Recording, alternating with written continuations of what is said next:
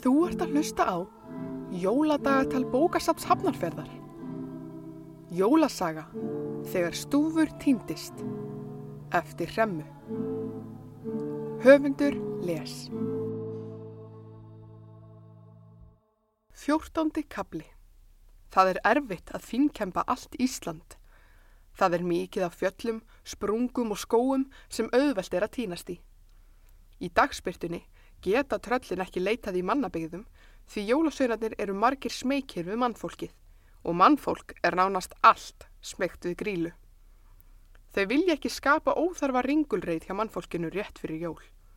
Auk þess veit tröllafjölskyldan að engin er jafn hrættur við fólk og stúfur, svo þeim dettur ekki einu sinni í hug að leita að honum inni í mannabústöðum. Þar leynist stúfur þó þrátt fyrir allt. Hann er aftur komin inn í stofu á samt börnunum. Þau eru að kenna stúfi nýjan leik sem heitir Limbo. Mömmurnar koma inn í stofu með kústskaft sem þær halda láréttu á milli sín. Svo eiga öll börnin og stúfur að lappa undir kústskaftið án þess að snerta það. Stúfur sér að í hvert skipti sem hann mætir kústskaftinu er það lægra en síðast.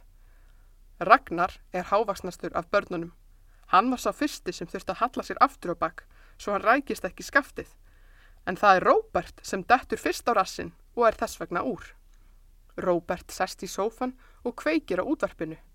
Skemmtilegt jólalag spilast og stúfur dilla sér undir skaftið. Ragnar dettur út í næstu umferð og þrem umferðum síðar rekst Rakel í skaftið. Stúfur er einn eftir. Ef hann kemst undir kústskaftið núna, þá vinnur hann leikin. Börnin hvetja hann áfram og kyrja nafnið hans. Stúfur, stúfur, stúfur, stúfur, stúfur, stúfur.